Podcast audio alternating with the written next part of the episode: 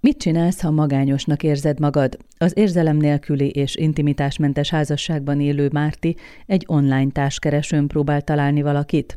Valakit, aki meghallgatja és megérti. Az elvált, jóképű, intelligens Zoltán az elsők között bukkan fel, és hamar elvarázsolja őt. Mártiból elemi erővel tör fel a férfi hatására hosszú éveken át elfolytott szenvedély, sőt már a vállását is fontolgatja, pedig még személyesen nem is találkoztak. A könyv olyan világba enged betekintést, ahol a legnagyobb kockázatot nem a mesztelen fotók átküldése jelenti, hanem a teljes lelki kitárulkozás. Fligel Dúrával beszélgetünk Tinder tojás című új regényéről. Csak kb. élményeim vannak. Pont volt egy ilyen időszakom, hogy így tudtam ismerkedni, mondjuk a vállás után ez a lehetőség maradt, mert ugye gyerekekkel otthon az ember nem tud annyira eljárkálni, és akkor erre tök jó platform. Nagyon sokan viszont azáltal tudják megütni a bokájukat, hogy érintetlenek ezen a területen, és úgymond naívként kerülnek fel egy ilyen világba, és azok, akik meg már voltak ilyen szituációban, sokan megjegyezték és mondták nekem, hogy mi hamarabb kérjünk találkozót, legyen közvetlen találkozás, mert hogy itt annyira más, hogy folyik az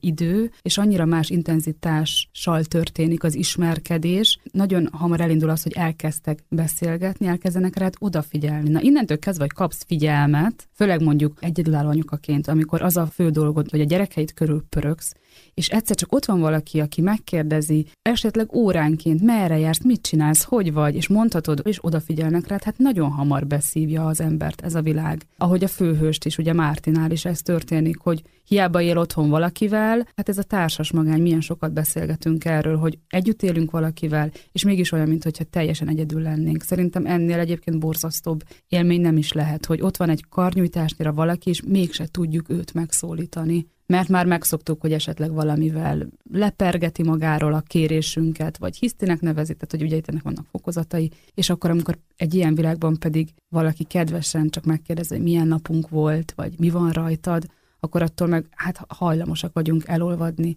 És annyira ki lehet egy ember erre éhezve, erre a szeretetre, hogyha esetleg legbelül tudja, hogy ez veszélyes, vagy talán nem is igaz, abba próbálja magát ringatni, hogy, hogy ez valós, és megéli minden pillanatát, és szerelemmé is tud akár mélyülni. Mondod ezt a figyelmet, az jutott eszembe, hogy amikor ők már leveleztek egymással, mindkettőnek, mintha saját magáról szólt volna inkább. Megmutatom magamból azt, amit egyébként a házasságomban, a munkahelyemen, a világban nem lehet, hiszen ez a lány és a Márti is nem a saját nevével, nem a saját életével lépett föl a Tinderre. Igen, ebben szerintem ez is benne lehet, hogy sokszor saját magunknak azt az oldalát merjük mutatni, amire vagy egy ideje azt érezzük, hogy nem kíváncsiak, vagy azt érezzük ezzel kapcsolatban, hogy kicsit titkolni való, vagy szégyelni való, és amikor névtelenül és akár arctalanul beszélhetünk, azért az ijesztő, hogy akkor lehetünk önmagunk igazán.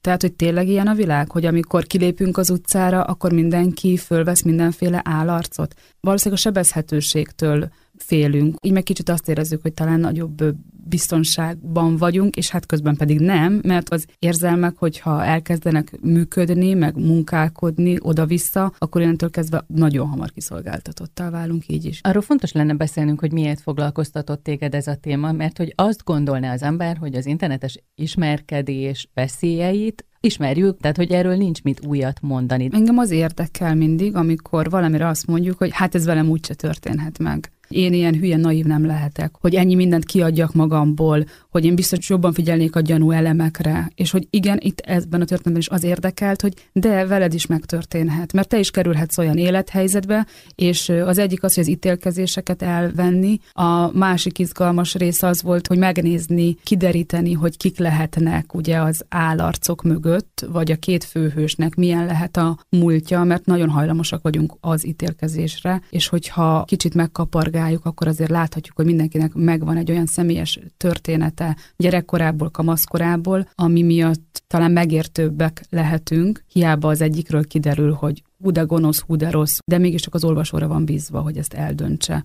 És igen, a sebezhetőség érdekelt, a figyelem, a szeretetésség, és az, hogyha nem történik meg a fizikai találkozás, hogy akkor is át lehet élni a szerelmet. Mindeközben azért ugye itt így túlmentek egy bizonyos ponton, mert itt nem csak az volt, hogy, hogy érzelmek, meg szép versek egymásnak, hanem itt volt benne mindeközben testiség is és hogy valahol ez is tök ijesztő szerintem. Tényleg, hogy a szenvedély az, az így is átélhető. Ez két rendkívül sérült ember. Látszólag teljesen normálisak, nyilván, de hát hihetetlen gyerekkori traumákkal. Ami mindenkinek ő. van. Talán nagyobb esélye van annak, hogy valaki ilyen kiszolgáltatott lesz, vagy ilyen kicsit beteg módon gondolkozik a dolgokról, hogyha ekkora traumái vannak. Vagy ennyire kapaszkodik, a végre figyelnek rá? Mert ugye ez a lány, a Márti egész életében második volt. Igen, neki ez a része. A pasi oldaláról, meg hát ugye ott is van egy erős momentum, több erős momentum, amit megtudunk a múltjából. Hát egy erőszakos apa, kit Igen, egy nagyon akar. kedves nagybácsi, tehát hogy ott Túl azért kedves. ott van, igen, ott van mindenféle alkohol, tehát ott is megjelennek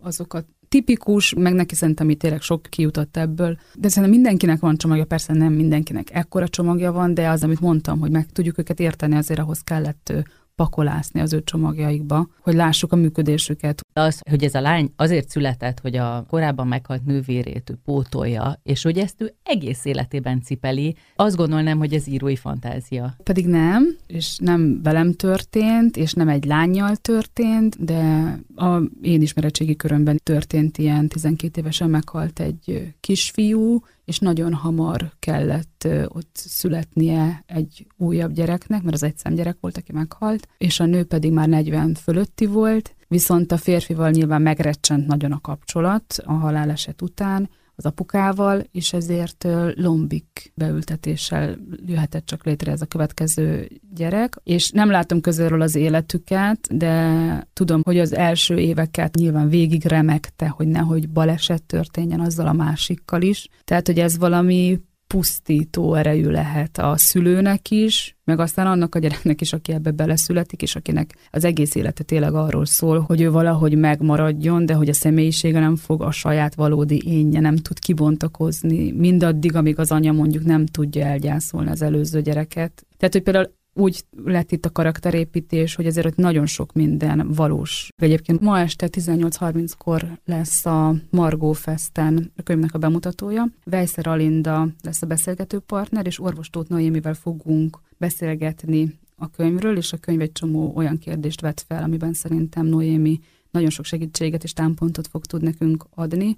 Ugye az ő könyve az örökölt sors, amit én is most forgatom nagy-nagy aha élményekkel, és pont, hogy a Mártinál is, amiről most itt beszélgetünk, hogy, hogy valaki le tudja tenni a gyerekkori traumákat, terheket, vagy mindig ismétlődően, hasonlóan ugyanazokba mm, hibákba vagy csapdákba keveredik, hogy ennek mik lehetnek az okai, és hogy leginkább, hogy hogyan lehet ebből kilépni, kilábalni, segíteni. Na erről fogunk többek között beszélgetni majd ezen a este félhetes eseményen. A könyvbemutató tehát ma este lesz a Margó Fesztiválon a Várkert Bazárban, oda várja önöket Fligel Dóra, a Tinder tojás című regény szerzője. Ezt és Dóra feleséget története című korábbi könyvét is az Aténeum kiadó jelentette meg.